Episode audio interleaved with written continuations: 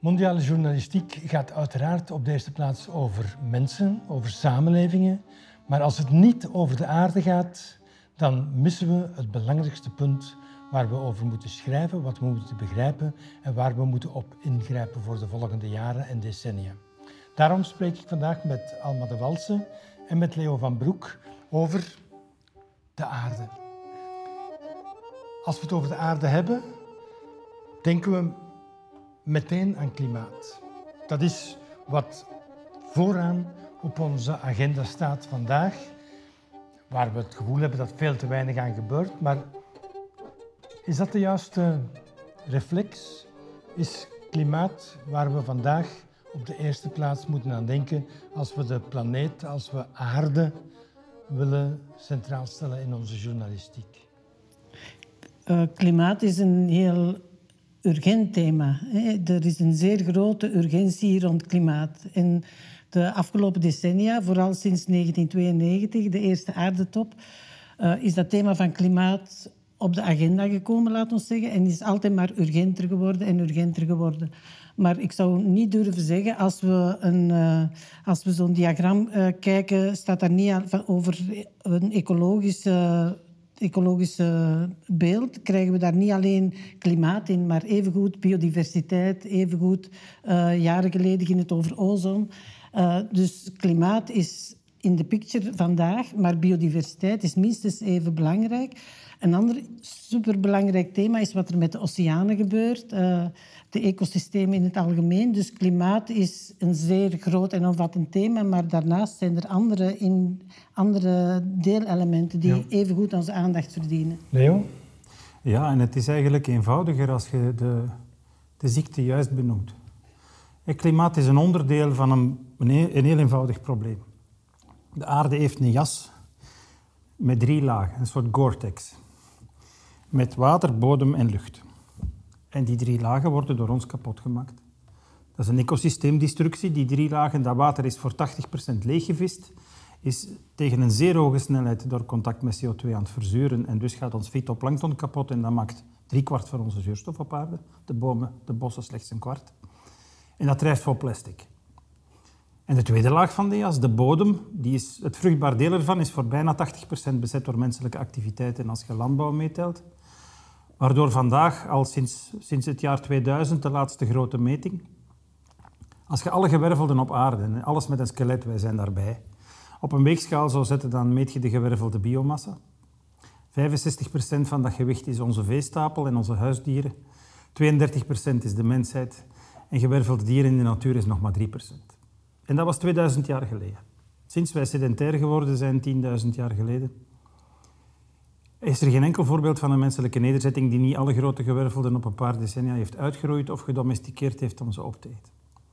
Dus die zijn al dood, voor 80%. Nu, sinds. Hè, dus is, die zijn op 10.000 jaar tijd van 330 miljoen ton gedaald naar 25 miljoen ton.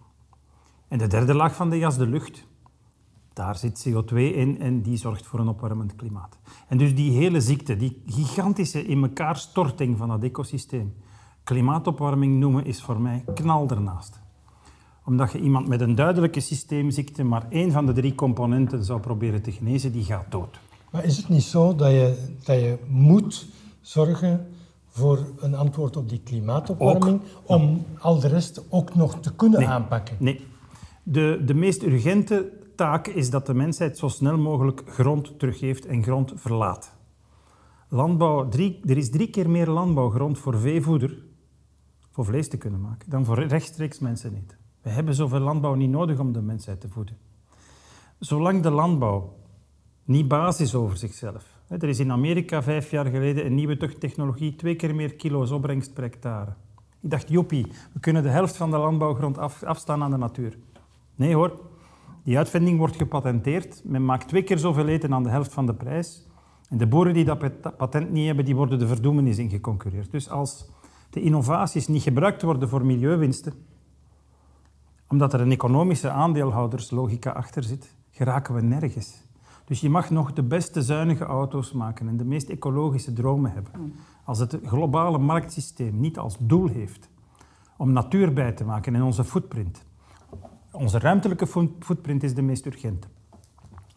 Onze footprint in de atmosfeer met onze eh, uitstoot is de tweede ook zeer urgent.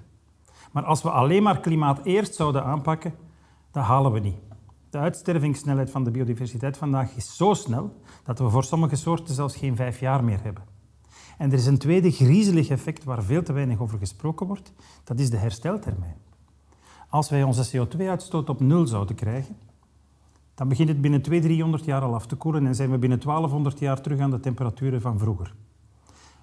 Een soort. Er, is al, er zijn al twee soorten neushoorns weg. We maken dringend in paniek natuur bij en we wachten. Op mutaties en darwinistische selectie dan is de hersteltijd tot er een nieuwe soort komt, met een gelijkwaardige positie in de voedselketen, minstens 20.000 jaar. Dus uw hersteltermijn gaat plotseling in de tientallen millennia lopen. Dus wij zijn met vuur aan het spelen. Wat ik een klimaatbezorgdheid vandaag is een soort klimaatblindheid. Je zit op de Titanic, je ziet de ijsberg, je ziet dat het gaat crashen en je vijst een roetfilter op de boot of je zorgt dat de motor elektrisch wordt. Dat hem klimaatneutraal kan varen en dat de aarde niet meer opwarmt. Maar die crash is niet vermeden. Dus de fundamentele koerswijziging van de mensheid die staat veel te weinig op de agenda. Ja, maar ik vind wel door uh, als inrijpoort klimaat te nemen, komt je ook wel bij de andere thema's en word je gedwongen om fundamenteel na te denken over welk soort ontwikkelingsmodel hebben wij en hoe gaan wij om met, de, met onze met de bodem waarop we leven, met onze aarde. En wat is onze relatie met de aarde? Dus die klimaat als inrijpoort brengt ons al bij een hele brede thematiek, denk ik. Om, uh, bovendien, het thema klimaat is wel heel, heel intrinsiek verbonden met welk soort cultuur? De cultuur van de bio... Van de, bio, van de, van de, van de uh, alleen benzine, de brandstoffen. Hè? Fossiele. Uh, de fossiele, brandstoffen. Sorry. Uh, dus wij hebben een cultuur die doordrongen is van die fossiele brandstoffen en die brengt ons wel bij het klimaatprobleem. En uh, bedoel, het klimaatprobleem kan, kunnen we ook verbreden naar het probleem van de uh, ecosystemen en de biodiversiteit. En bedoel, het is wel een groot thema waar we mee aan de slag kunnen om het punt waarop we ons nu bevinden, om het probleem onder ogen te zien en maar het, het grote probleem is dat we vandaag enkel die deur hebben, omdat dat in de mode is, dat thema. Dat is een beetje de schade die Al Gore met zijn, met zijn film heeft aangericht. Hij is zelf een captain of industry, hij heeft nooit landgebruik en overbevolking. In, in, in, overbevolking is nog zo'n vector waar te weinig over gesproken wordt. Dat is vooral een onderontwikkelingsprobleem. Er is alleen nog maar een hoog geboortecijfer in, op, in landen waar de gezondheidszorg laag is, de scholingsgraad laag is en er geen vrouwenrechten zijn. Dus ontwikkelingshulp is dringender dan uitstootreductie. Maar dat wordt niet gezegd. Dus, en dan denk je dat je vanuit dat klimaat, hopelijk, doorheen die modieuze deur die iedereen die een beetje mee is kent, die andere dingen binnen vijf, binnen tien jaar op de agenda gaat krijgen als je de mensen al... Er zijn al klimaatnegationisten, dus er is geen enkele negationist over biodiversiteitsverlies. Die cijfers die zijn zo oud als de straat. De eerste die zei dat ontbossing de planeet ging vernietigen was Eugène Huzare. Dat is een tekst van 1856. Dat is 160 jaar geleden. Die zei ontbossing in combinatie met uitstoot gaat de hele planeet kapot maken. Wij willen dat niet weten. Onze grondrechten, wij zijn daar doof voor. En daar ben ik bang van nu. Stel dat uw moeder leukemie heeft. En je hoopt, omdat ze de ene infectie naar de andere doet, dat via haar koorts aanvallen, want ze warmt op. Dat er iemand ooit de moed gaat om te zeggen, eindelijk, eigenlijk heeft hij een beenmergtransplantatie nodig of ze zal doodgaan. Wel, als die beenmergtransplantatie niet binnen de paar weken op de agenda geraakt, is ons maat dood. Of dat je nu nog 99 koortsbestrijders hebt gevonden die allemaal mee gaan nadenken over haar opwarming, dat heeft geen zin. Ja. En als ik dan zie dat von der Leyen en Merkel zo blij zijn dat Elon Musk elektrische auto's komt bouwen in Duitsland en daar 90 hectare bos voor mag kappen, dan ben ik bang, want dat is recente groene vreugde in Europa. Green growth. We gaan economisch groen verder groeien. Mhm. Dat is een zothuis.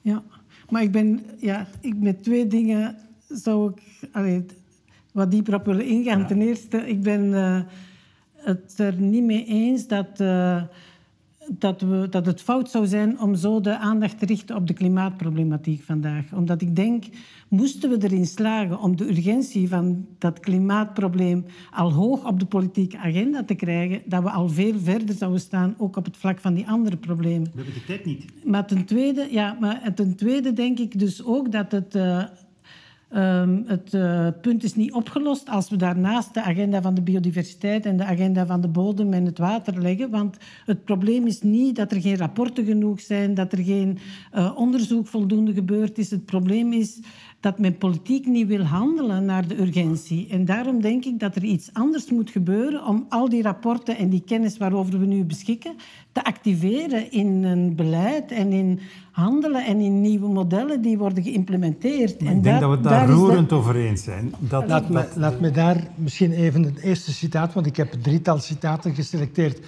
om, uh, om in het gesprek te gooien. Ik zou daar graag Leonardo Boff ingooien uit een, uh, een interview dat Alma met uh, Boff gedaan heeft. en ik weet niet, ken jij Leonardo Boff? Boff is een, een van de grootheden van de bevrijdingstheologie uit uh, Latijns-Amerika, die zich in de loop van de jaren van, van sociaal-economische bevrijding heel sterk geheroriënteerd heeft naar een meer holistische en een, en een meer ecologische bevrijding. En hij zegt in dat interview, de belangrijkste les is dat we onmogelijk kunnen doorgaan met de manier waarop we dit, met hoofdletters, gemeenschappelijke huis de afgelopen twee eeuwen bewoond hebben. Het virus is momenteel het neoliberalisme en het kapitalisme aan het ondergraven. Systemen gebouwd op concurrentie, individualisme en een minimale staat. Ze hebben de aarde altijd gezien als een onuitputtelijke voorraadkamer van hulpbronnen om een onbegrensde groei te voeden. Die systemen staan nu onder druk. Onuitputtelijke hulpbronnen en onbegrensde groei zijn een illusie. Het is een vals uitgangspunt.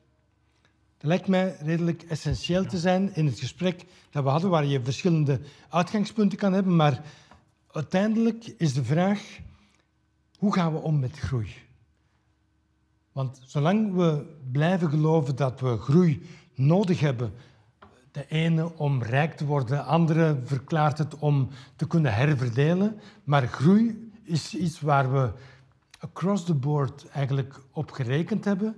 En waar Bof zegt, en ook andere denkers nu, eigenlijk kunnen we dat niet volhouden, want de planeet is niet onbegrensd, dus we kunnen niet blijven groeien.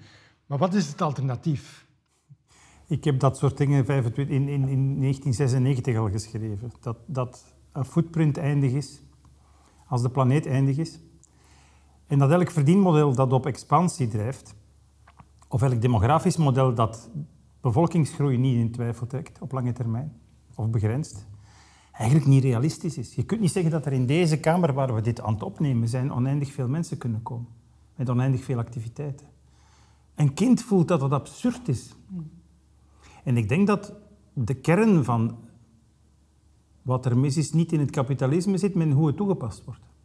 Als iedereen aandelen zou krijgen, dan werken we allemaal voor elkaar. In Eeklo zijn de burgers aandeelhouder van de windmolens. En er is ook geen... Maar dat is een coöperatief model, geen kapitalistisch. Jawel, want die zijn aandeelhouder.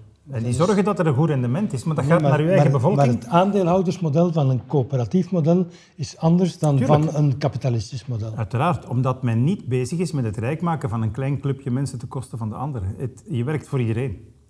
Als in de plaats van een basisinkomen, als iedereen vijf, zes, zeven aandeelhouderschappen zou hebben, in coöperatives op het dak van zijn werk waar een pv-panelenpark staat, in de windmolens van zijn dorp, in een community sustained agriculture system in zijn woonwijk, dan krijgen we een andere wereld.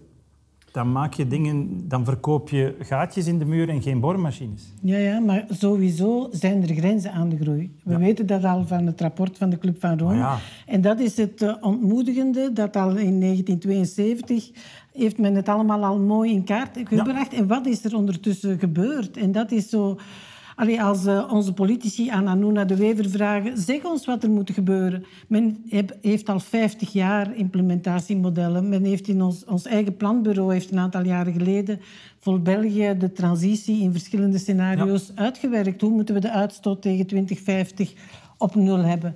En uh, het werkt niet op die manier. Dus er moet iets uh, veel dieper veranderen. En dus ik denk dat er uh, er moet een andere invulling komen van wat is een zinvol leven. En dan denk ik dat we wel dat kapitalisme in vraag moeten durven stellen.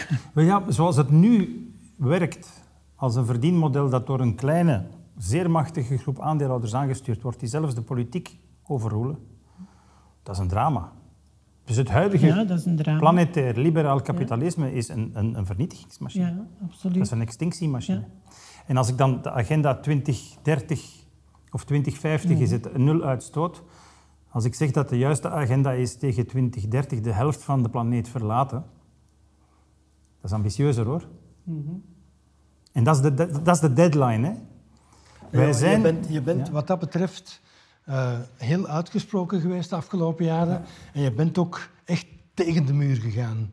Ik bedoel, de, de betonstop wordt niet meer benoemd als een betonstop. Men probeert dat nu wat te vergoelijken. Een bouwshift en- is een en- beter woord. Hè. En een bouwshift te noemen. Je moet bouwen op andere plekken en daar veel meer gaan bouwen. Maar, maar het gaat ook niet gebeuren, of wel? Veel te weinig. Ik zie nu wel dat de nieuwe minister, zoal die meer de groene dellen vandaag beschermd heeft. Ik heb gehoord van Natuur en Bos dat zij veel ambitieuzer is in het maken van ecoducten en corridors en in het vrijmaken van terrein. Ik denk dat daar een nieuwe wind waait. Ik begin stilletjes aan te hopen dat natuurzorg, zo- net zoals ge- volksgezondheid, geen ideologische kleur heeft binnenkort. Daar hoop ik op. Dat we een discours gaan vinden dat polarisatie overstijgt. En dat men stilaan net zo, zo bang begint te worden van, van het huis waarin dat we wonen kapot te maken dan van elk ander groot virus.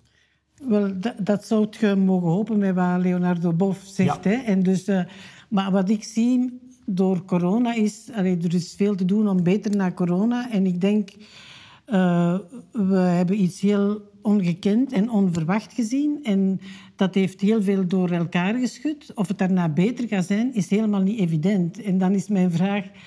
Wat zou er moeten gebeuren opdat het beter zou zijn? Hè? Want wat we zien is... eh, Als we dat op, niet alleen op het niveau van Vlaanderen zien, maar ook internationaal, wat er gebeurt in, in de VS en in Latijns-Amerika en in Rusland.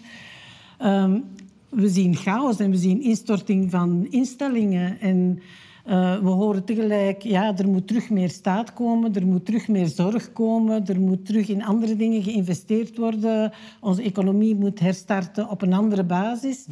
Maar tegelijk zien we dat er ook eh, heel grimmige krachten werkzaam zijn, die zich weren als een duiveltje in een wijwatervat, om nu net de urgentie zo hoog is, om toch nog op korte termijn heel gulzig te kunnen binnenhalen wat ze willen binnenhalen. Dus Je, dat je zijn heel... kent, je kent de cartoon van, van twee mensen ergens in, in de verre toekomst die tegen elkaar zeggen van de planeet is kapot gegaan, but for a short time we created a lot of shareholder value. Ja. Dat is wat je eigenlijk Ja. nu ziet gebeuren. Ja, en dan is mijn ziet- vraag, wat moeten we doen opdat die En wat, wat, is jouw, krachten... wat is uw antwoord? Eh, ja, ik ben zwaar teleurgesteld. Hè. Allee, dus ik zie met grote angst hoe extreemrechtse... Allee, dus het is moeilijk om rechts en links, hè, want het panorama is veel complexer. Maar ik zie wel hoe extreemrechtse krachten er veel beter in slagen om zich te bundelen en hun, hun verhaal te, te brengen, hun eh, boodschap eh, wervend neer te zetten. Terwijl eh, de, ja, laat mij maar zeggen, de progressieve kracht. Ik wil dat niet onder links zetten, maar dus wij die willen dat er een ander model kansen zou krijgen nu, met eh, respect voor de draagkracht van de aarde. Wij slagen er onvoldoende in om een, de krachten te bundelen en een wervend verhaal te formuleren. Leo, je hebt samen met, eh, met, met Jean-Pascal van Ypezelen en honderd andere wetenschappers vorig jaar een rapport gemaakt voor Anuna de Wever en dat de een fantastisch Klimaatjongeren. initiatief. Dat, was, dat was een heel goed rapport, overigens. Ehm, maar het heeft zero impact gehad. Ik denk dat er moet er nog meer gebeuren. Hè? Een beetje, Ja. maar je kan niet meer doen dan dat. En ik ben dus eigenlijk, als ik rationeel ben, ontzettend pessimistisch. Als ik zie dat wij met de footprint die we aanvaardbaar zouden kunnen maken voor alle mensen op aarde, dat is eigenlijk een, een, een Europeaan die weinig vlees eet en geen CO2 uitstoot. Dan mogen we met 3,5 miljard zijn. Als we allemaal leven zoals Amerikanen vandaag, 1 miljard mensen is het maximum dat de aarde aan kan. Ja, we zijn met 8, we gaan naar 9 à 10 voor we beginnen dalen. Dat zal drie- 300, 400 jaar duren voor we die 3,5 miljard bereiken. Wij gaan drie eeuwen lang massa-extinctie veroorzaken. We hebben zelfs geen keus meer. We zijn met te veel. Zelfs als we onze uitstoot en onze... Wij kunnen niet onmiddellijk de helft van de planeet verlaten, omdat dat vol zit met oude landbouwmodellen, met oude industrie, met economische modellen die je niet onmiddellijk kan heruitvinden op 10 jaar, 20 jaar tijd. Dus de combinatie van een fout marktmodel, een destructief liberaal kapitalisme, een fout aantal mensen dat al, al, al een paar eeuwen veel te groot is en dat er nog een paar eeuwen over zal doen, een uitstootmodel dat minstens een paar decennia en heel kort bij zelfversterkende tipping points opwarming zal beginnen veroorzaken, denk ik eigenlijk dat wij een gigantische calamiteitenschop onder onze hersenen en onder onze kont nodig zullen hebben. Want elk rationeel wetenschappelijk discours is al een paar keer herhaald, is gepubliceerd, is samengevat en het verandert niet. Viscerale angst Zoals voor COVID en de hele luchtvaart van de planeet ligt stil op twee weken tijd. Mhm. Dus ik denk dat we calamiteiten nodig hebben die viscerale angst veroorzaken. Maar hoe trekken we daar die Omdat het beestje heeft niet de moraal en niet de, de moraliteit en niet de intelligentie om zichzelf voldoende nederig op te stellen. Het mensbeeld dat wij vandaag gebruiken is een, een consument van stukken planeet. Ik heb daar een klein theorieken over. Ik heb ooit een baccalaureaat filosofie gedaan en heeft mij lang doen nadenken over hoe kijken we eigenlijk naar materie. We hebben dat altijd heel laag ingeschat. Je bent een vuile materialist. Want als die materie in haar moleculaire configuraties heel complex wordt en jou begint te zeggen, ik zie u graag, gedichten begint te schrijven en kinderen begint te krijgen, dan zeggen wij, dat kan niet. Dat materie, dat kan.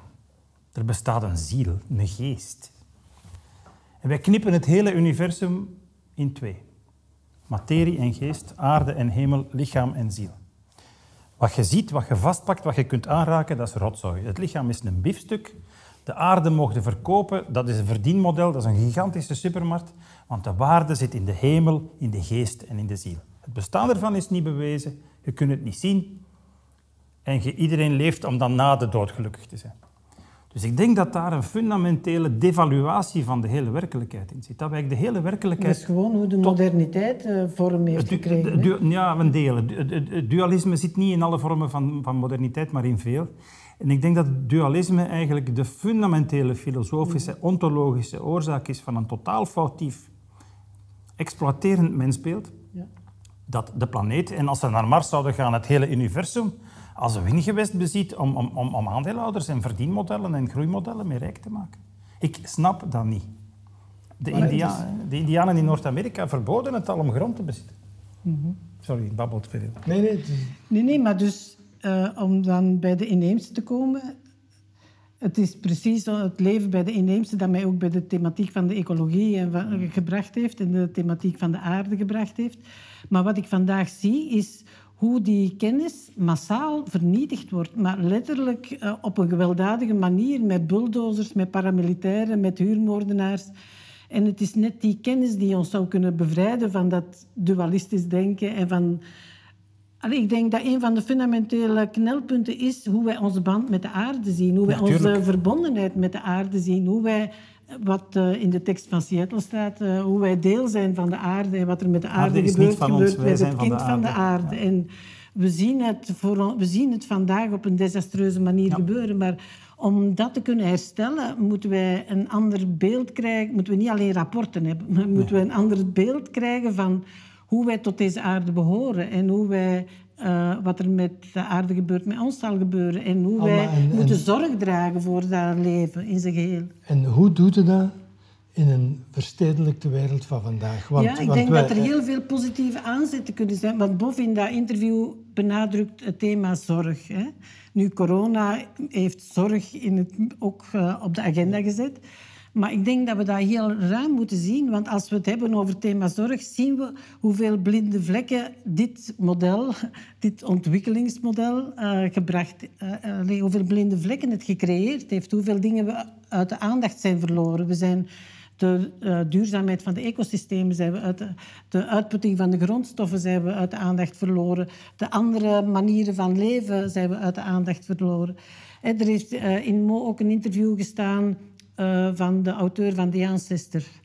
En die zegt, we moeten empathie leren. We moeten proberen in de schoenen van de toekomstige generaties te komen staan. Maar we kunnen nog niet in de schoenen staan van andere culturen vandaag. Van het feit hoe Maya's of hoe uh, Quechua's of uh, Aymara's naar de Andes kijken en welk hun model van landbouw is en van, van gelukkig leven. We, slagen, vernielen het allemaal met, met grote bulldozers. We stoken het Amazonewoud af en we weigeren te kijken wat, hoe kijken die mensen naar de toekomst? Wat is hun verlangen voor een zinvol en gelukkig leven? We laten dat niet tot ons doordringen en we zijn overtuigd van, van ons gelijk. En de ecomodernisten nog veel meer. Laat me even misschien... Een, maar die willen tenminste heel veel natuur bij maken. Ja, maar op een industriële manier. Enfin, ik, ik pik even in op wat Alma zegt, omdat die uh, Roman Czarnik, de, de man van die ancestor... Uh, ik had daar ook een, citaat van klaar liggen en ik, ik lees het even voor. Meer en meer mensen beweren dat een welwillende dictator misschien wel kan voor het klimaat wat democratie niet lukt. In zijn boek, The Ancestor, besloot ik die aanname te onderzoeken. En wat bleek? Hoe democratischer een land scoorde op... Nee, hoe democratischer een land, hoe hoger het scoorde op lange termijn beleid. En omgekeerd. Natuurlijk is, hij heeft dat met een eigen index uh, uitgezocht. En hij zegt geen enkele index is perfect. Maar de uitkomst was zo eenduidig dat het voor mij alvast onomstotelijk aantoonde dat het, sprookje te geloven, dat het een sprookje is te geloven dat een welwillende dictator zal opduiken om ons van onze problemen te verlossen. Het is veel zinvoller om de, en menselijker om de democratie te verdiepen, zodat ze wel in staat is om de uitdagingen van deze tijd aan te pakken. Ik vond dat een heel belangrijke en interessante uitspraak, omdat ook in het ecologisch denken er heel vaak een soort verwachting sluipt van we, kunnen dat, we krijgen dat thema niet genoeg op de agenda, dus we verwachten het van een soort verlicht dictator. En, en Czarnik zegt, don't. Hoop er niet op, want uiteindelijk zorgt de democratie meer voor lange termijn beleid dan autoritair handelen dat terecht? Ja, ik denk dat wel. Ik, denk dat een verlichte despoot, die een goede verlichte despoot zou zijn, die wordt, die wordt afgeschoten. Heel snel. Die haalt het niet. Want je moet zo rigoureus te werk gaan vandaag. En daar is geen draagvlak voor. Zeker niet bij de captains of industry, laat staan bij de helft van de bevolking of driekwart die niet de kennis heeft om, om, om dat inzicht en die paniek te voelen. Dus ik geloof alleen maar in een kennisgestuurde democratie. Inspraak zonder inzicht leidt tot uitspraken zonder uitzicht. Dat is van Cees Budding. En dat zien we vandaag. We zien een, een, democratie die tabloids leest, die op de sociale media met modder begint te gooien, die door Rupert Murdoch, door allerlei kanalen en media richting brexit gestuurd wordt, richting extreemrechts stemgedrag. Ik denk dat de driekwart van de pers heel veel boter op haar hoofd heeft op dat vlak, die polariseert. Om kranten, om koppen, om digitale kranten te verkopen. Ik heb dat meegemaakt drie keer. Heel eenvoudige dingen gezegd die geframed worden op een manier dat het, het tegendeel is in de gazet. Dat ik echt gechoqueerd was van hoe durven ze? Dus ik denk een kennisdemocratie waarin de burger pas inspraak verdient als hij bewijst dat hij begrepen heeft waarover het gaat. Maar dat is een hele gevaarlijke, Leo. Dat is technocratie vanuit de, de, de, de, meritocratische positie waarin dat je zegt de, de deplorables begrijpen het niet, dus die gaan we wel niet, uh, geen stem geven. Die geven, we, die geven we inspraak via een traject van informatie. Ik heb dat meegemaakt in Kortrijk. 500 burgers doen mee aan een inspraaktraject over het nieuw masterplan en structuurplan voor de hele stad. Die hebben de eerste zes maanden geen woord mogen zeggen. Die hebben les gekregen. Vastgoedkunde, groenblauwe netwerken, mobiliteit, energie, stedenbouwkundige dichtheid, verdienmodellen. Vanaf wanneer kan een ontwikkelaar nog, nog iets verdienen en, dan is hem weg. En maar mensen waren bereid om daar naartoe te komen, die hebben, die, die hebben twee, drie, die hebben twee, drie lezingen per week gekregen en na zes maanden pas hebben die flipcharts, stiften, maquettemateriaal in groepjes van tien man mochten die heel Kortrijk ontwerpen. Man, daar kwamen dichtheden, bouwhoogtes, mobiepunten, alternatieve verdienmodellen, alternatieve mobiliteitsoplossingen uit, waar de politiek niet over durft spreken. Ja, wel, maar ik geloof daar heel dat is de enige, Dat is de enige oplossing, denk ik. Ja, ik, geloof, allee, ik denk dat daar onze hoop gelegen is. Een kennisdemocratie. Allee, daar juist hebben we een heel uh, zwart uh, beeld geschetst van hoe erg het probleem werkelijk is. En dat denk ik, hoe diep het gaat. Maar ik denk onze enige hoop is gelegen in Uh, allee, ik heb het hier dan uh, burgerplatforms of uh, vormen, een, een, een, verbeterde vorm van representatieve democratie. Ik denk op dit ogenblik functioneert onze democratie niet meer en de problemen zijn veel te groot geworden om ze te laten oplossen door de manier waarop onze democratie op dit ogenblik gestructureerd is. Dus we moeten nieuwe vormen vinden. Uiteraard geen uh, ecofascisme, maar participatie. Maar ik vind op de, op de, in de vormen en uh, in de concrete cases waar dat wel is toegepast, zoals wat je komt te schetsen, maar ook uh, Ringland, ook hier in Antwerpen, heeft men initiatieven van burgerplatforms. En ik, ik stel ook vast dat er dat daar, daar, vind je, daar merk je dat er een draagvlak is bij mensen. Mensen hebben een veel hogere drang naar verandering dan dat onze politici aannemen of graag willen horen, denk ik. Um, en, uh, maar ik heb hier ook... Uh, allee, ik vind het ook absoluut belangrijk dat dat gepaard gaat met onderwijs en vorming en informatie. En dat de media daar een heel belangrijke rol in spelen. Van wat ligt je op? Wat, hoe doet je je verdere vraagstelling? Hoe uh, maakt je de problematiek...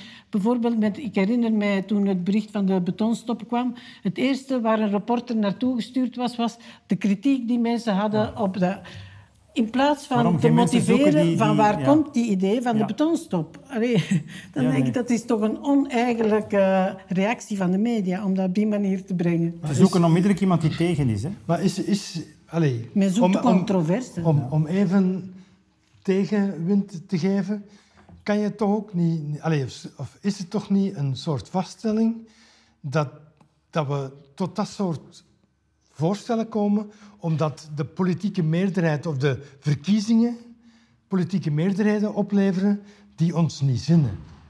Want de verkiezingen leveren wel politieke meerderheden op en geven dus een zeker signaal van waar mensen staan.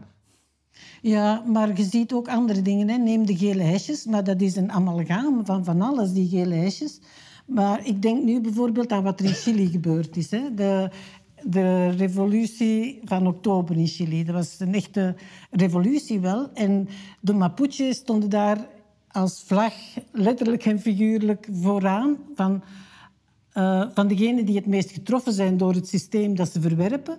Maar ook omdat zij drager zijn van een gedeeltelijk alternatief. Hè, van, en dus ik heb daar een gesprek gehad met een filosoof die heel nauw betrokken was. Die zei, de crisis die we nu meemaken, dat is een hermeneutische crisis. Dat wil zeggen, we moeten zien, dat heel goed zien hoe we die gaan uitleggen. En die zei, wat er hier moet uitkomen is, hij gebruikte dan weer twee moeilijke woorden, een uh, tellurisch republikanisme. Okay. En dus en dat wil betekent... gewoon zeggen, ja, uh, ik vond dat wel heel goed geformuleerd. Want dus uh, tellurisch, dat wil zeggen een soort democratie waarbij de aarde ook, allee, dus uh, onze geografische gegevenheid, het landschap waarin dat wij wonen. Dus het is niet zomaar dat er in grote steden vandaag die onrusten zijn en die protesten en dat mensen uh, heel veel frustratie voelen. Dus uh, wij moeten onze geografische gegevenheid mee incalculeren in het andere model dat we gaan ontwerpen. Ja. En dus met republikeinisme, dan bedoelde hij andere vormen van representatieve democratie, waarin het middenveld veel duidelijker ook een stem heeft. Ja. Is, is, is de aarde de, de vergeten kiezer? Ja. Het idee dat dat een rechtspersoon of dat de aarde op zijn minst advocaten zou moeten kunnen aanstellen om haar te verdedigen.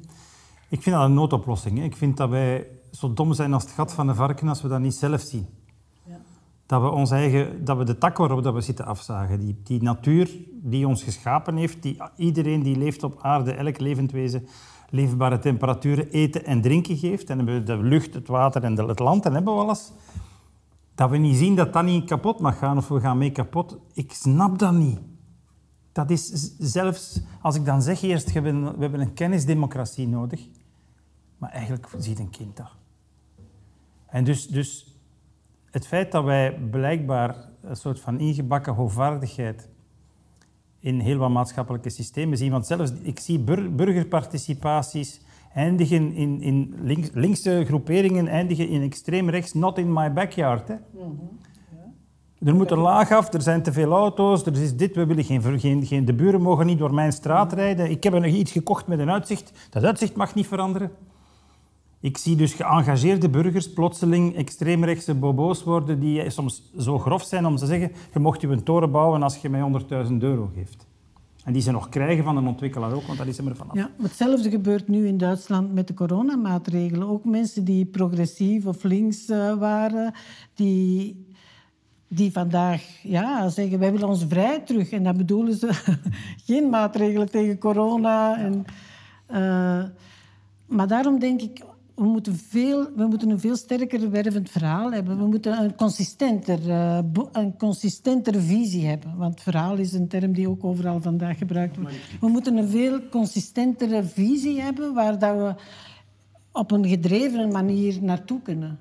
En dat ontbreekt blijkbaar, want dat was ook een van de kritieken na de verkiezingen van, van vorig jaar. Van Groen met name is er niet geslaagd om, om de beweging op de straat te vertalen in, in stemmen, omdat, omdat men dat verhaal niet heeft, omdat, omdat het niet aantrekkelijk is voor de burger. Maar, maar de burger wil gewoon allemaal een eigen auto en wil... Niet alleen, er zijn ook burgers die iets anders willen. Maar veel burgers, Alma, willen niet dat er iets echt te gronden verandert. Ze willen gewoon omhoog gaan in de, in de ladder. Maar mensen die allemaal geen werk hebben en die slachtoffer zijn van het systeem, die willen ook dat er iets verandert. Die willen deel worden van het systeem. Maar die zijn boos. Ja. Ja, die zijn boos. Die stemmen dat, vaak, die stem, dat zijn vaak de bomen ja, die stemmen op de houtakkerspartij. Dat is in Brazilië gebeurd. Hè. Die dus, stemmen uh, op dingen die hen zelf ja. nog verder te gronden zullen richten. Dus ik, ben, ik blijf toch bij mijn pessimisme. Hoor. Ik denk dat wij een gigantische klap nodig hebben. En is, is wat, wat Alma, aan het krijgen, wat Alma daar juist aangeeft, van, is de ervaring met uh, corona, is dat een soort uh, oefening? Ja, dat is een kleine, een kleine mini-repetitie van iets dat veel erger gaat zijn. Maar dat is een oefening in die richting. Ja. Ik vind dat heel goed. Als je dan ziet hoeveel solidariteit er was, hoeveel burgers er ja. respect voor op een paar gekken na die een grote barbecue of die toch nog een lockdown-party ja. houden twee uur voor alles op slot gaat. Maar dat waren kleine uitzonderingen. Dat is waar. Mensen kunnen veel opbrengen. En hoe strenger de maatregelen, hoe lager die R-factor van, van het aantal mensen dat, dat, dat, besmet worden door iemand die drager is. Dan denk ik van, zonder strenge handhaving, hè, er is niemand opgepakt en afgeslagen door een soort van paracommando politie-systeem. Als de mensen iets simpel uitgelegd krijgen en verstaan, dan, dan kunnen ze wel werken, kunnen ze wel meedoen. Eén kleine opmerking daarbij. Er zijn wel mensen afgeslagen, maar er waren allochtone jongeren in de grootsteden die niet op onze radar staan. Die, die veel strenger gecontroleerd werden dan de Nederlanders in Knokken of dan, de, dan de lockdown party in, in, in Heist. En, en dat is misschien ook nog wel een les die we moeten leren. Als we het over aarde hebben, gaat het ook altijd over ongelijkheid. Gaat het ook altijd over de, de inclusie van iedereen in, en de diversiteit, waar we nog een plek voor moeten vinden. En die te veel wordt het ecologisch discours nog als een, een wit elite discours. Het staat in ons rapport, hè. zolang er te veel mensen bang zijn in het einde van de maand, zullen er nooit genoeg mensen bang zijn in het einde van de wereld. Dus ongelijkheid is, ontwikkelingshulp is goed voor een demografische reductie van de groei, van de demografische groei. En ontwikkelingshulp is goed voor een reductie van de ongelijkheid. Als je aandelen in de windmolenparken aan gewone burgers begint te geven, dat is herverdeling van kapitaal. Links vindt dat leuk, maar rechts ook, want die zegt al die burgers dat slapend spaargeld en die worden allemaal kapitalist, want er worden plotseling mensen die investeren in onze energiesector. Maar heel het ontwikkelingsmodel zelf moet bekeken worden, hè? want windmolens in Mexico kunnen ook heel veel onheil aanrichten bij de inheemse gemeenschappen. Ik bedoel, zolang wij... Uh, zolang wij vanuit die, west, die westerse bril blijven kijken naar wat vooruitgang en wat ontwikkeling is, dan denk ik dat we altijd op de grens van de ecosystemen zullen botsen. Ja, nu windmolens doen heel weinig stukken. Nee, maar de manier waarop ze land inpalmen en waarop ze uh, inheemse gemeenschappen hun grond ontvreemden. Of, uh, dat kun je bijna in een bos zetten. Hè? Maar, maar het gebeurt niet altijd. En het is een beetje zoals, zoals bij de ontginning van, van de metalen die we nodig hebben voor, voor, de, voor de overgang naar, naar een andere economie. Dus we, we zitten in dit, een... Dit dingetje zou geen 600, maar 6000 euro moeten kosten en 10 jaar meegaan. En dat is dankzij kinderarbeid en overexploitatie van, van hulpbronnen dat dat, dat dat iets is dat, dat om de drie jaar een nieuwe versie krijgt die zoveel beter is dat je verondersteld wordt om dan deze weg te gooien. Dat is decadent. Hè? Er is duidelijk nog heel veel werk aan de aarde. En ik denk dat we een aantal heel belangrijke vaststellingen gedaan hebben die in mondiale journalistiek ook van toenemend belang zijn om die helder te krijgen en aan de lezers mee te geven. Amma de Walsen, Leo van Broek, heel erg bedankt voor dit gesprek. Graag gedaan.